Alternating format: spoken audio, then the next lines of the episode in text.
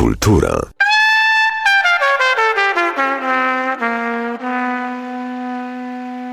Gość e, dzisiejszego spotkania e, Daniel Warmus, tłumacz tej powieści Szatański Pomiot na język polski. Prowadził to spotkanie będzie Jan Brunatowski, literaturoznawca, e, krytyk. Bardzo dziękuję Państwu za zaproszenie na to spotkanie, bo oprócz tego, że będę miał wielką przyjemność, jak sądzę, je mm, moderować albo współprowadzić, to również będę miał, jak sądzę, wielką przyjemność e, słuchać, czyli czerpać jakiś zysk poznawczy z tego, co tutaj Daniel nam o tej książce opowie. Obiecałem słówko o Danielu, e, głównie z tego powodu, że e, ta twoja działalność e, translatorska jest niezwykle bogata. Oprócz tej książki, którą mamy tutaj dzisiaj przed sobą, e, czyli Szatańskiego Pomiotu, e, tam są u ciebie książki między innymi Petera Puklasa, Roberta Hermana, e, Czaby Kisza między innymi. Ale to, co mnie najbardziej interesuje i to, co udało mi się kilka tygodni temu, kiedy wiedziałem, że tutaj w Lublinie się spotkamy, to, do czego udało mi się dotrzeć, to Twój profil e, facebookowy dotyczący literatury, e, czy w ogóle kultury węgierskiej w takim najściślejszym sensie, mianowicie e, monitor madziarski. Więc skoro ten monitor madziarski postawił sobie za zadanie, żeby prezentować nam, szerszej publiczności to, co w kulturze i literaturze węgierskiej ciekawe bądź najciekawsze, bo najważniejsze, to mm, winny chyba jestem nam wszystkim takie najbardziej podstawowe pytanie. Jak to się stało, że Daniel Farmus dotarł do tej książki? Jaka była droga do właśnie do tej książki e, e, Nojiego, a nie, a nie do innej? Na jakiej zasadzie został przeprowadzony ten, e, ten wybór? Bo wydaje mi się, że jest to sprawa dosyć nieoczywista, chociażby w takim oto mm, sensie. Mam tutaj przed sobą literaturę na świecie, ostatni monograficzny numer mm, skupiony głównie e, wokół twórczości Petera Nadasza. I on tutaj w rozmowie z Eniko Daraboszem, e, przedłożonej przez Julię Wolin, mówi tak. Literatura węgierska jest najwnikliwsza wtedy, gdy opowiada o złym losie. Wtedy jest naprawdę dogłębna, to pewne.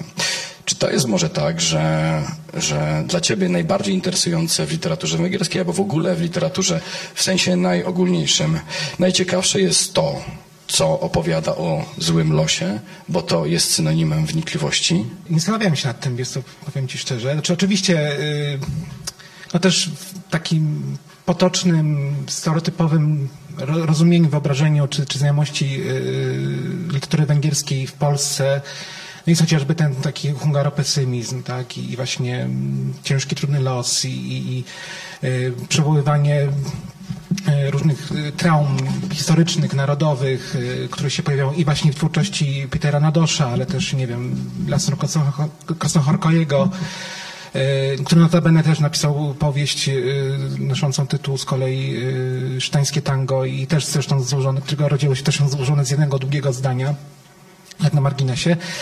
Ja, znaczy oczywiście dla mnie jakby ten punkt widzenia jakby jest, jest, jest oczywiście tam w mojej, mojej, w mojej głowie, ale przy, przy, przy moich wyborach yy, yy, już takich translatorskich nie jest to na pewno jakiś determinujący argument czy, czy, czy, czy punkt widzenia. W przypadku tej książki, już, już nieco odpowiadając bardziej konkretnie na twoje, na twoje pytanie, to jest akurat tak, że to ona dotarła do mnie. Znaczy wspomniany w liście autora profesor Iszwankowacz, e, kiedy, kiedy zdobył już właśnie aprobatę Węgierskiej Akademii Sztuk Pięknych i, i zdobył dofinansowanie na, na przykład tej książki, zwrócił się do mnie, czy, czy po prostu chciałbym ją przetłumaczyć. E, przeczytałem książkę, też nie od razu byłem nią zafascynowany i, i jakby entuzjastycznie też nie podszedłem do, do tego zadania, ale, ale się zgodziłem, więc jakby książka w ten sposób do mnie dotarła.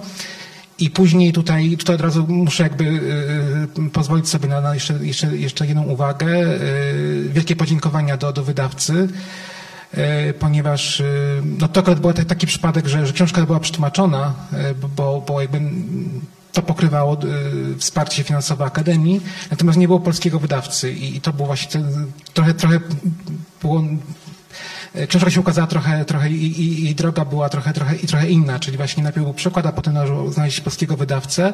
Długo się to nie udawało i, i napisałem wtedy do, właśnie do, do, do Wschodniego Ekspresu, e, no głównie właśnie pisząc, że tutaj jest autor prawda węgierski, no ale pisze i pochodzi z, mieszka, mieszka de facto w, w Ukrainie.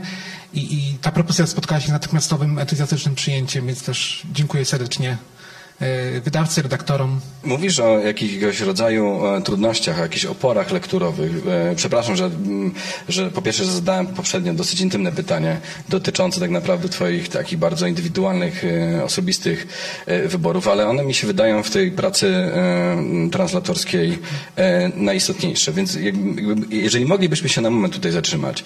Mówisz, powiedziałeś mniej więcej coś takiego, że, że ta książka nie, do, nie od razu, nie w tym pierwszym takim czytaniu e, spotkała się z Twoim takim, miałem powiedzmy dokładnie, entuzjazmem, afirmacją.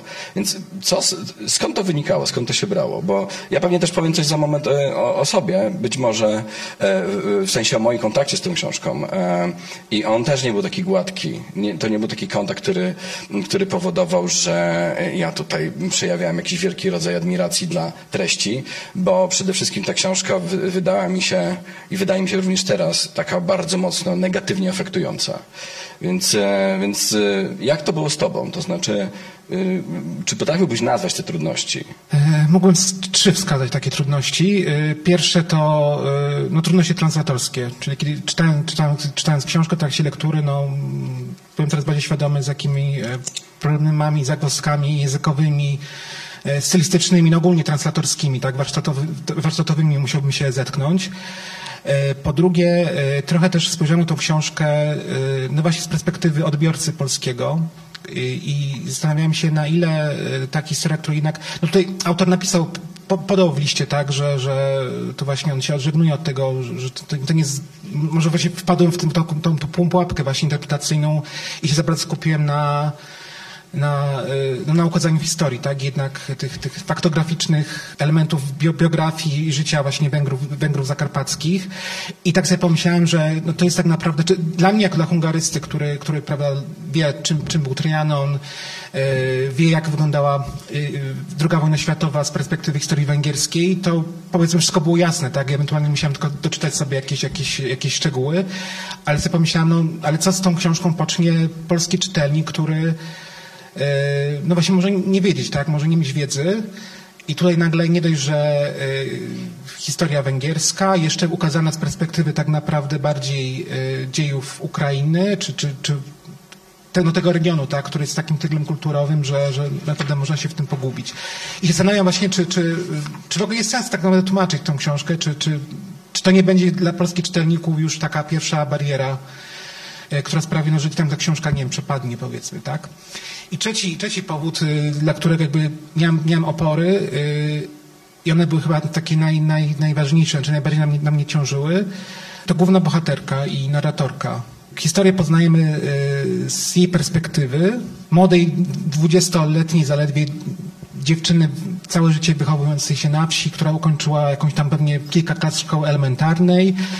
No owszem, potrafi czytać, no ale nie jest też oczytaną osobą, a nagle w tej, w tej, tej narracji, w jej opowieści, no są takie elementy i, i y, takie opowieści, które no, no, znacznie wykraczają, tak sobie pomyślałem, wykraczają poza, no, no prze- przepraszam, może też bardzo stereotypowo podszedłem do, do, do tej dziewczyny, ale pomyślałem tak, no jednak wykraczają poza jej pewnej umiejętności poznawcze, czy jakieś, jakieś intelektualne, no, na pewno nie jest to osoba wykształcona, a, a często podaje właśnie e, różne, różne informacje i, i różne e, te, takie historie, takie doświadczenia, które no ja sobie pomyślałem, że no, wykraczają poza tą, tą młodą osóbkę, tak? Młodą dziewczynę, która, która dopiero co wkrada, wkracza życie i dopiero się uczy tego życia. Problem właśnie w, tej, w, tej, w tej postaci. Później to sobie wytłumaczyłem. Znaczy znalazłem wytłumaczenie, skąd to jest, bo stwierdziłem, że rzeczywiście to jest. E, I znalazłem dwa takie e, argumenty, znaczy w sensie kontrargumenty, czy jakby wyjaśnienia, e, skąd to się prawdopodobnie wzięło, bo oczywiście tego nie wiem na pewno. Po pierwsze to, że, no, że autor, ona oprócz tego, że jest postacią bardzo podmiotową, bo, bo opowiada swoją historię, też bardzo intymną, Tak. To też jest takim pasem transmisyjnym, takim filtrem, przez który przenika jak przez pryzmat y, no, los, y, no, można powiedzieć ogólnie tak Węgrów zakarpackich, ale przede wszystkim los jej małej ojczyzny, czyli, czyli jej współbratymców zamieszkujących ten, ten, tą, tą wieś konkretną, tak? I jeszcze był drugi powód, y, znaczy tak sobie, drugie wyjaśnienie, które znalazłem, skąd ten właśnie niezwykle burzliwy, miejscami wartki, tok narracji i cała masa różnych e, perspektyw i, i ukazań losów i, i, i doświadczeń w jej, w jej opowieści. E, wytłumacz wyjaśnienia to znalazłem na, na końcu książki.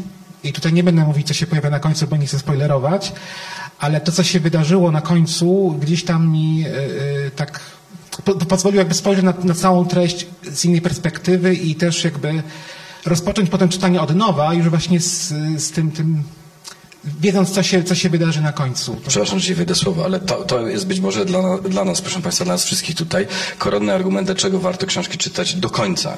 No, bo tam, jak się okazuje, sporo się może wydarzyć. Przepraszam, już oddaję Ci głos. Nie, to właściwie, właściwie tyle, co, co... Mówisz o tym, że jest to historia taka bardzo podmiotowa, tak, bardzo osobista, bardzo pojedyncza, w sensie w liczbie pojedynczej wypowiadana, bardzo skupiona, zbudowana na, e, przede wszystkim na asocjacjach, momentami sprawa sprawiająca wrażenie chaotycznej, ale w zasadzie takie są jakby dukty naszego myślenia. My tak, my tak jako ludzie przecież działamy. To znaczy to, co się tutaj dzieje w puszce naszego mózgu, e, czy w tej puszce, w której zamknięty jest mózg, e, to właśnie to, to wszystko tam przebiega dosyć chaotycznie. My to później porządkujemy i to jest ten dystans, o którym chyba Danielu wspominałeś, e, który łapiemy po przeczytaniu całości. Natomiast, e, drodzy Państwo, ja sobie pozwolę nie tak wspaniale jak nasz e, przedmówca, ale pozwolę sobie na odczytanie pierwszych kilku tak naprawdę wersów tej książki, bo ta książka rozpoczyna się od, um, od takiej bramy, która um, mówi mniej więcej tyle, że to, um, że to jest wyznanie, że to jest taka bardzo e, intymna konfesja. W pierwszą niedzielę grudnia w roku 1944, jeszcze przed świtem, 13 kobiet z Shilasu ruszyło w daleką drogę w kierunku spowitych mgłą gór, dokąd podług famy Żołnierze zabrali naszych mężczyzn. Ja, Eszter Tut, niezamężna córka stolarza Michaila Tuta, dołączyłam do nich jako czternasta. Matula moja, pociągając nosem, odprowadziła mnie na skraj wsi. Niechże zamiast mnie pójdzie ona, mówiła przez łzy. Później dzieją się rzeczy e, drastyczne, choć opowiedziane językiem raczej ezopowym, bo nie mamy tutaj do czynienia z takimi werystycznymi, drastycznymi opisami, ale jest bardzo przejmująca między innymi scena gwałtu e, żołnierzy rosyjskich na mm, na głównej bohaterce, czyli na Eszter. Stąd cała ta historia, to znaczy ona nosi w sobie to dziecko, które jest dzieckiem, jak ona sama mówi, jest czarcim pomiotem, jest bękartem, jest dzieckiem e, szatana, bo tak są tutaj postrzegani Moskale, Rosjanie, jak, jak nasza bohaterka e, mówi. Tylko jeszcze, proszę, że ci wejdę słowo. Oprócz tego, że ona sama czuje, że, że nosi w sobie piętno, to jest automatycznie też napiętnowana przez lokalną społeczność, która z kolei e, uważa, bo, bo tak, bo tutaj jakby ta, ta, ta scena pierwsza jest, y, y, opisuje właśnie wyjście tych kobiet, które niosą y, jedzenie po prostu jakieś, jakieś dla, dla tych mężczyzn, którzy są przetrzymywani w, w, pobliskim obozie. E, I ona tam niesie e, żywność dla, dla swojego ojca, swojego brata i swojego no, narzeczonego, swojego chłopaka, który, który jej się tak podoba i który jej się, który jej się zalecał. E, I później z tej, niedługo później jeszcze po, jej ojciec jest wypuszczony z obozu, więc tym bardziej jakby lokalna społeczność, tak te wie, wie, wiejskie baby, no plotkują tak, że, że pewnie dlatego wypuścili jej ojca, bo, bo ona się oddała, tak. Więc dodatkowo jeszcze jest to, to, to piętno, no, młode dziewczyny, skonfrontowany z, z, z z tym odrzuceniem przez lokalną społeczność. Słusznie, bardzo trafnie w tym sensie, że jest to książka też o samotności, o odrzuceniu, o, o napiętnowaniu. E, pamiętamy film e, Szkarłatna litera, który gdzieś w, w podobnej, e, powiedzmy, tonacji emocjonalnej operuje.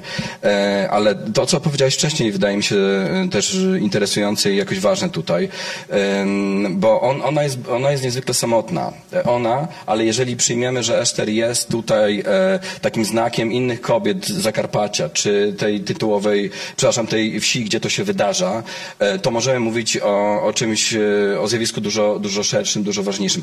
Ja sobie przypominam takie, bo obiecałem, że coś powiem o sobie. Ja pamiętam na przykład takie jedno z pierwszych wrażeń, które gdzieś we mnie powstały, gdzieś wzbudziły się, e, gdzie, kiedy, kiedy dotarłem do tej sceny tych, tego tłumu maszerujących kobiet, samotnych kobiet, które maszerują w kierunku tego obozu, o którym wspominałeś. Kolejna scena, jak Eszter już pohańbiona wraca z tego obozu i wsiada do pociągu, w którym znowuż jadą same kobiety. E, To są e, krótkie sceny, w znaczeniu one, mm, one są bardzo skondensowane, bardzo nasycone. To nie są, one nie są rozbudowanymi opisami, ale one są tak mm, w jakiś ciekawy i zmyślny sposób napisane, że jednak gdzieś zostają. Mm, em, I, i to, tu bym upatrywał jakiejś dużej sprawności warsztatowej Nodzia. Natomiast, jeżeli mówimy o samotności, ona tutaj mówi w, jednym z, w jednej z ostatnich scen tej książki e, taką oto rzecz, pokazującą jej mm, jakąś dwoistość, jakąś taką, takie rozchwianie, ambiwalencję.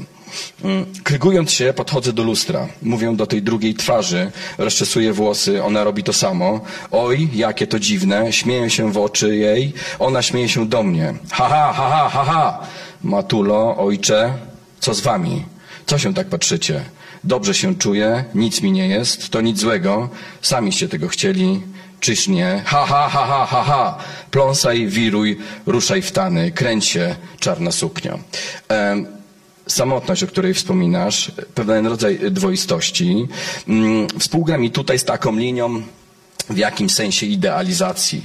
Dlaczego, dlaczego idealizacji? Już Państwu tłumaczę, co mam na myśli. To, co się wydarza, te powiedzmy dwa i pół roku, czyli ta historia gwałtu, historia noszonej w sobie ciąży, e, historia rozwiązania tych pierwszych e, kilkunastu miesięcy, kiedy młody Isztwan, czyli dziecko Eszter, nie chodzi, nie mówi. To jest ten czas, z którym my obcujemy. Ale wiemy, że m, ta historia jest opowiadana z jakiegoś później, i to później nie jest jakby sprecyzowane, określone, ale przed tym później musi być jakiś wcześniej. I mam takie wrażenie, że to, co później, a na pewno to, co wcześniej, w jakimś sensie mm, może wzbudzać w nas, w czytelnikach, wrażenie mm, idealności, czy jest idealizowane przez e, Eszter mówiącą.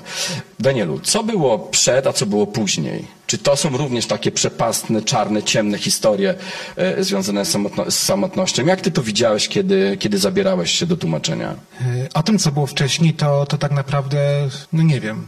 Ciężko, ciężko. Chyba, chyba nie mamy, nie mamy jakby żadnego też y, informacji w ogóle na ten temat, żadnych, żadnych wskazówek. To, co było później, to można y, y, no, y, się dowiedzieć z, z kontynuacji książki, ponieważ książka ma kontynuację. Jest to tak naprawdę pierwsza część trylogii całej.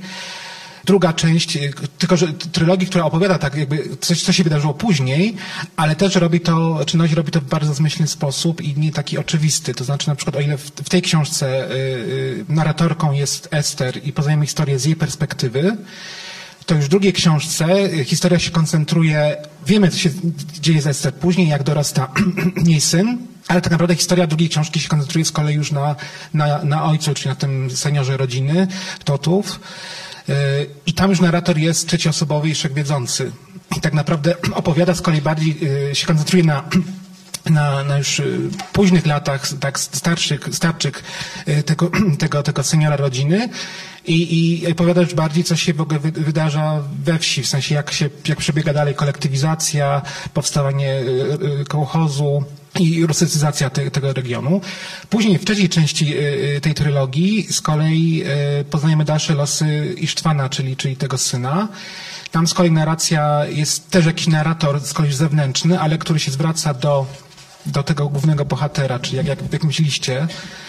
I, I też tak naprawdę, czyli tak naprawdę poznajemy późniejsze losy, wiemy, co się wydarza później, ale też tak naprawdę dalej do końca nie wiemy, w którym też właśnie, tak, ty, ty to, na to zwróciłeś uwagę, yy, ciężko jest znaleźć taki moment, nie wiem, żeby zahaczyć się gdzieś, tak też nawet na linii czasu, tak, że czy to jest historia opowiedziana z perspektywy tuż po, na, na, na świeżo, na bieżąco, czy jednak, yy, nie wiem, współcześnie jako, jako pewna re- retrospekcja. Autor postawił sprawę jednoznacznie. To jest książka opowiadająca o pewnym tyglu kulturowym, o pewnym pograniczu, e, o, mm, jak chciał, jak wyjaśniał kiedyś Doroszewski w swoim słowniku, o pokrainie, czyli takim miejscu przepływu, jakiegoś transferu kulturowego. Ale ja mam takie wrażenie po przeczytaniu tej książki, że tutaj tak na dobrą sprawę nie, jednak nie obcujemy mm, z taką bardzo szeroką panoramą, e, no tych nacji, mniejszości, e, obyczajów, Ale nie wiem, czy to nie jest tylko moje niestety błędne wrażenie. Kiedy ciągle jeszcze gdzieś tam byłem jednak rzeczywiście myślami y, z, z, w tej książce z tą książką, e, przeczytałem książkę e, jutrzejszego gościa w festiwalu, Andrija Lubki, Karbid, który opowiada o tym samym regionie dokładnie, o tym samym pograniczu e, ukraińsko-słowacko-węgierskim. E, oczywiście to jest zupełnie inna historia, zupełnie inna narracja, zupełnie innych czasów, ale on tam z kolei, e, historia tego ukazana w Karbidzie dotyczy budowy tunelu pod, pod granicą ukraińsko-węgierską, która ma służyć do, do, do ułatwienia przemytu, tak, kontra, kontrabandy. E, Zresztą też w innym eseju Andrzej też właśnie pisał, i też, ale też to się pojawia, ten sam motyw pojawia się też u, u, e, u Zimowta Szczerka, że to jest właśnie taki obszar takiej kontrabandy i, i tak sobie pomyślałem wtedy sobie, że to nie jest taka kontrabanda no, materialna, tak, gospodarcza, gdzie, gdzie się, nie wiem, przemyca się tak papierosy, alkohol, benzynę, e, ale też kontrabanda kulturowa. Więc rzeczywiście chyba jest w tym coś takiego, co, co ty mówisz i to i tutaj przechodząc właśnie do, do tej drugiego wątku, który poruszyłeś, do języka, to też widać w języku. Y, Ponieważ y, y, to też, z tego też wynika pewna też trudność translatorska.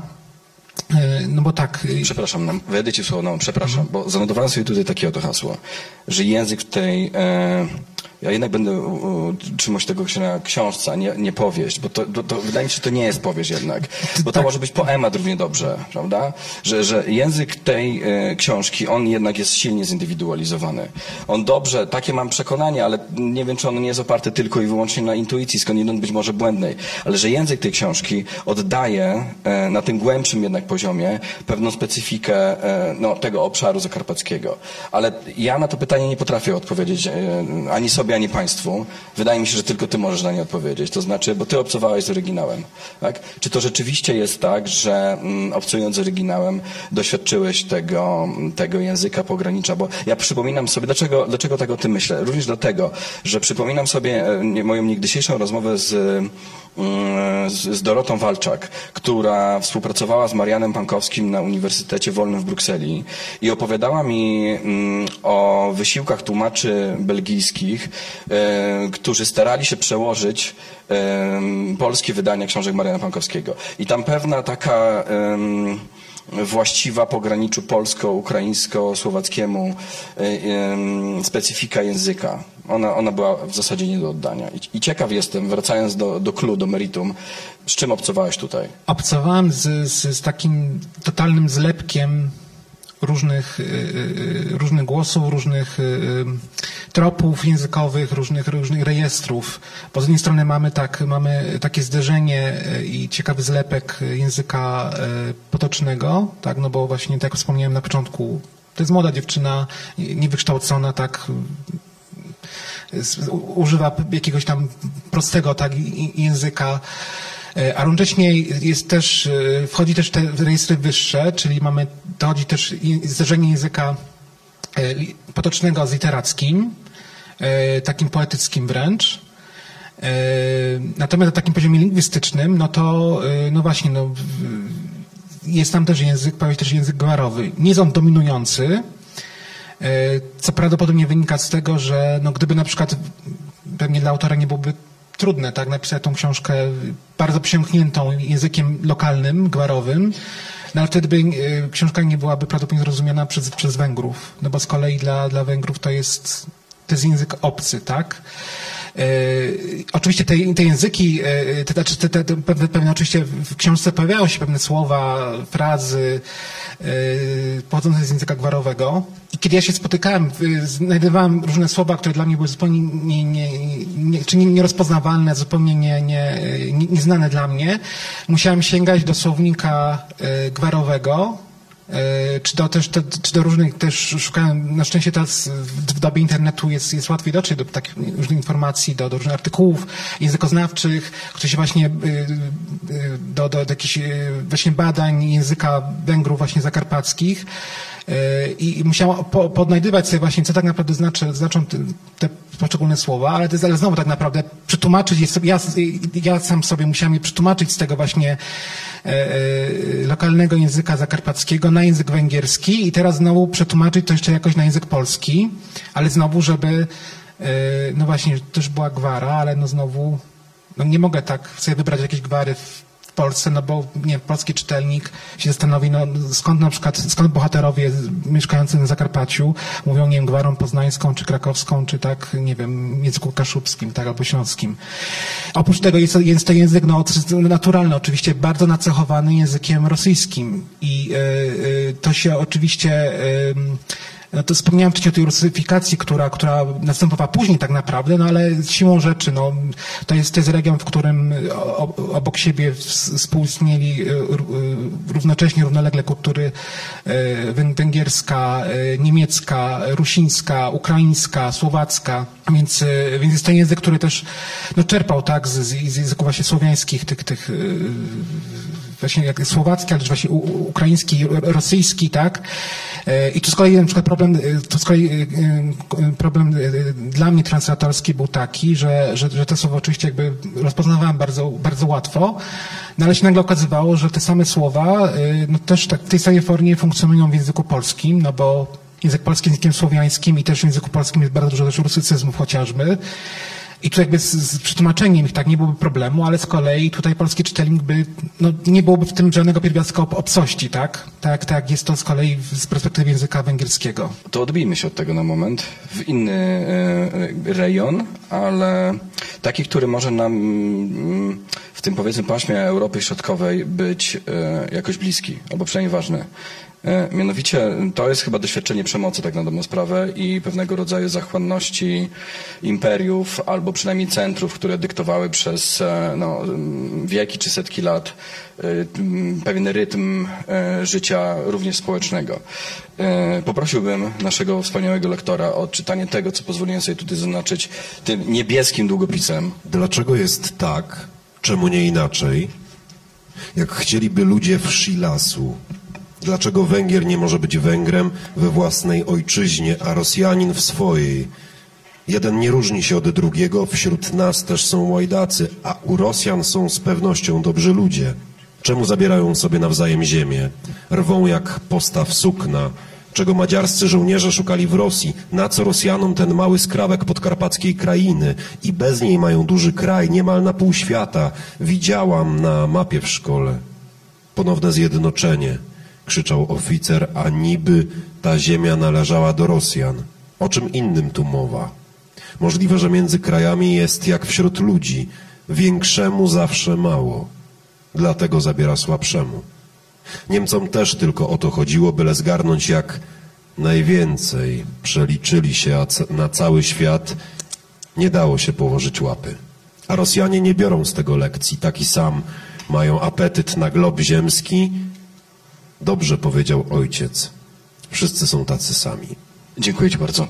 Koda tego fragmentu jest taka, że wszyscy są tacy sami. Zależało mi na tym, żeby to wybrzmiało, bo tutaj mógłby, mógłby się pojawić taki, taki zarzut albo ryzyko, że że mówimy tylko o Rosjanach, czy mówimy tylko o Niemcach. Nie, absolutnie nie o to tutaj idzie. Idzie właśnie o to uniwersalne doświadczenie e, przemocy, zachłanności, pewnych tendencji imperialistycznych, które mm, ujawnia się w tej książce, czy, czy zgłasza swoją obecność właśnie w tej formie, o której Daniel wspominał, czyli tych, wydawałoby się, bardzo naiwnych pytań, zadawanych przez e, niewykształconą, niewyedukowaną, nieoczytaną, Eszter, ale jak Państwo pewnie doskonale usłyszeliście, e, są to pytania na tyle fundamentalne i podstawowe, e, że można by je i zastosować do dzisiejszej rzeczywistości, jak i do tego, co mm, wydarzyło się na dużo, dużo przed właściwą tkanką tej opowieści, czyli tym fatalnym periodem 39-45.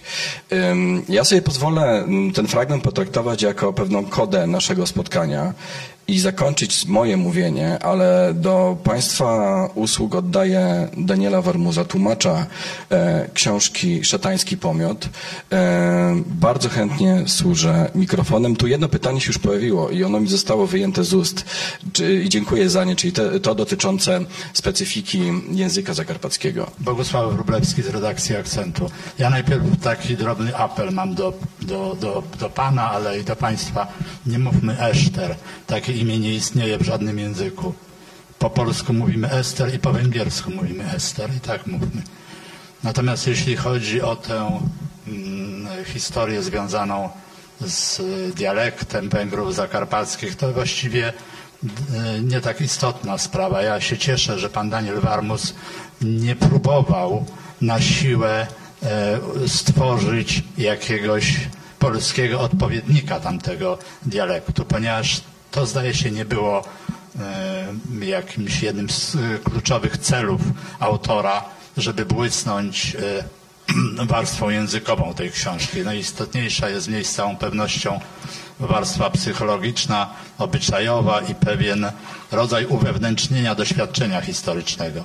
Więc dobrze się stało, że, że pan, panie Danielu, nie, nie kombinował, jak to zrobić, żeby nam to brzmiało jakoś egzotycznie, aczkolwiek można sobie wyobrazić, że jakieś metody by się znalazły, ponieważ dotyczy to kwestii znacznie poważniejszej, kwestii, która powoduje, że moim zdaniem ta książka, która jest książką wybitną, ma szansę dotrzeć do polskiego czytelnika. Zobaczymy, zobaczymy jak zostanie nagłośniona, jak zostanie e, zareklamowana, omówiona, ale e, polski czytelnik z tym typem doświadczenia kulturowego i obyczajowego się zetknął.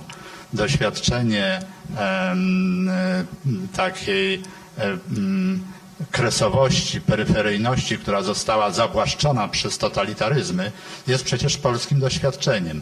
Jeśli byśmy popatrzyli na to, co się działo za obecną granicą wschodnią Polską, czy na Ukrainie, czy na Litwie, to przecież Polacy, którzy tam mieszkali i mieszkają, doświadczyli tego wszystkiego, doświadczyli zsyłek, doświadczyli e, mm, gwałtów, doświadczyli bezprawia, więc oni są to doświadczenie węgierskie w stanie przyjąć z całą pewnością i, i zrozumieć. I to może być e, bardzo ciekawa e, lektura dla, dla polskiego czytelnika.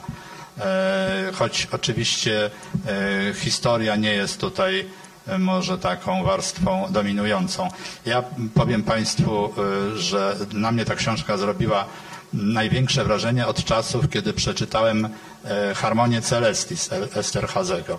Zupełnie inna książka, książka, która, to, to było kilkanaście lat temu, książka, która zrobiła furorę, ale która, dzięki doskonałemu tłumaczeniu Teresy Worowskiej również w Polsce, ale to jest książka, która jest takim zamachem na całą historię węgierską. Prawda? Tam, tam jest bardzo dużo tej takiej tkanki historycznej, trzeba dużo wiedzieć albo starać się dowiedzieć o historii Węgier, żeby ją do końca zrozumieć. Ale paradoksalnie te dwie książki coś łączy. Ta, e, tą osadzoną w bardziej kameralnej społeczności i tamtą taką panoramiczną łączy doświadczenie pewnej rodziny, że to się patrzy, że, że ta historia jest właściwie potrzebna tylko o tyle, o ile mieści się w horyzoncie doświadczenia rodzinnego. I to jest e, niesłychanie ważne. Czy byśmy znaleźli polskie odpowiedniki takiego myślenia o pograniczu? Nie wiem, no jakaś może e, w tej chwili spekuluję, jakaś Boża Podszewka z tych rzeczy powszechnie znanych przychodzi mi do głowy, czy pewnie parę innych jeszcze byśmy znaleźli takich książek, które mają te swoje odniesienia e, kresowe i zderzenie z totalitaryzmem i, i, i wtedy może byśmy jakiejś analogii w literaturze polskiej mogli próbować szukać, ale to nie jest e, najistotniejsze. I, i jeszcze jedna rzecz.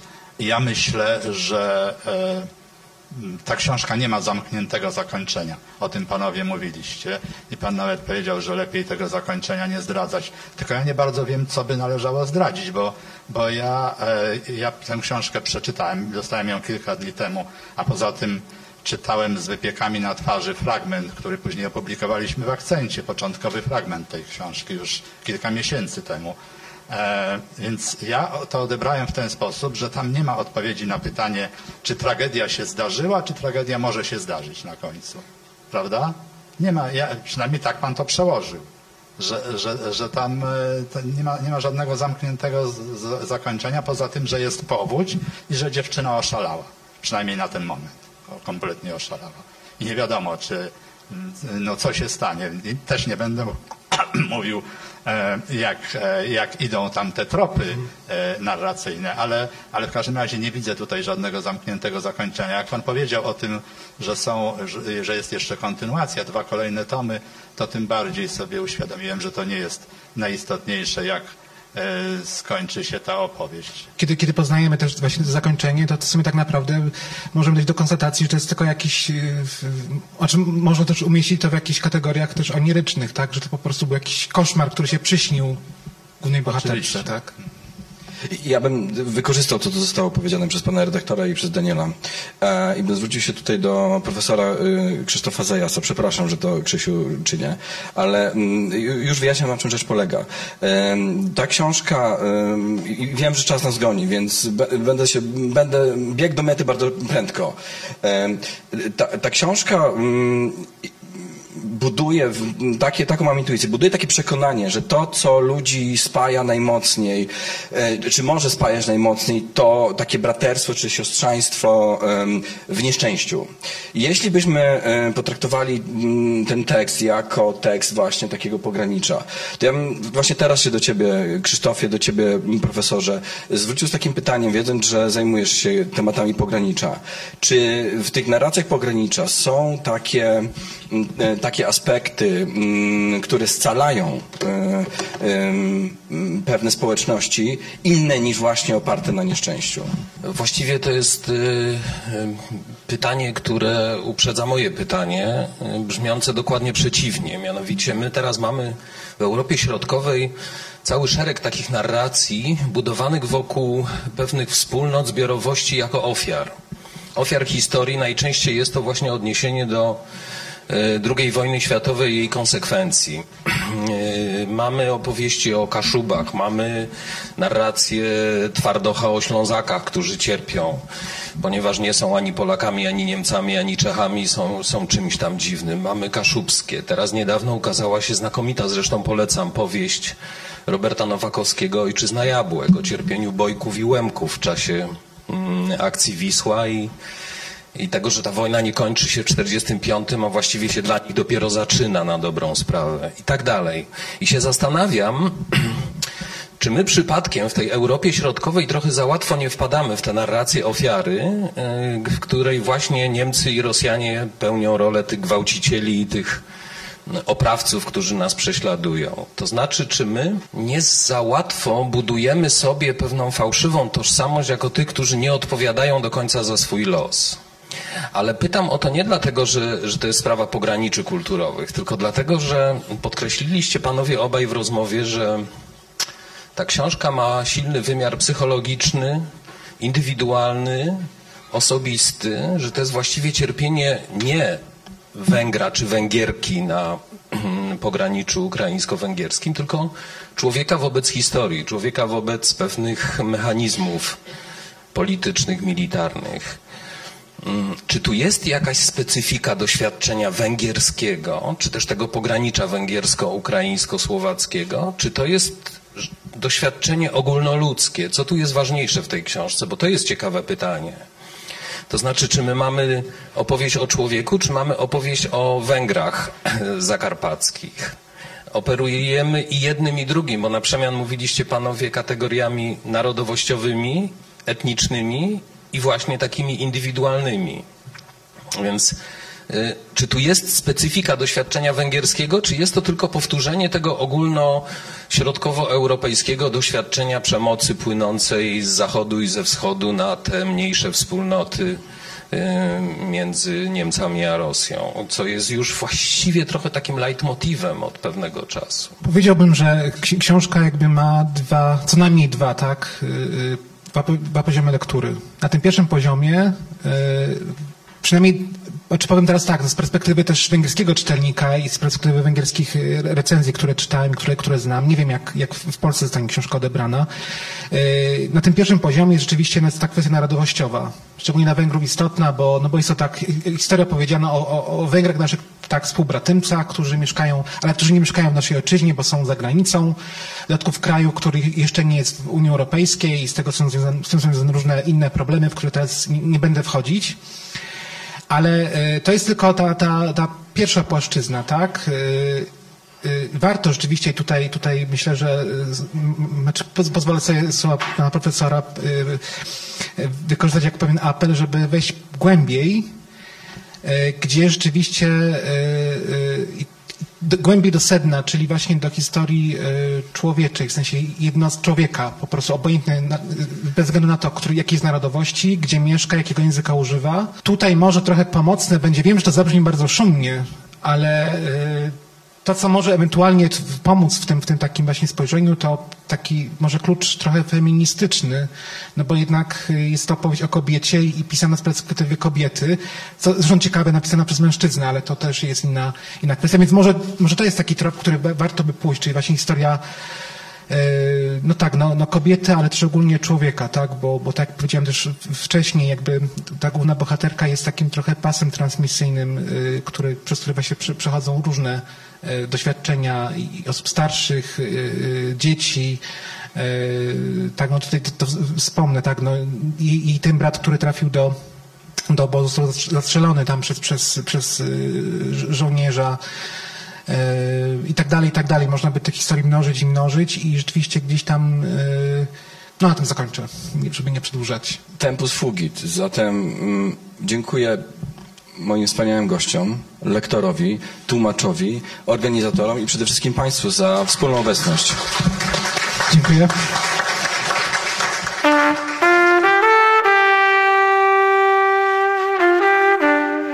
Halo? Kultura.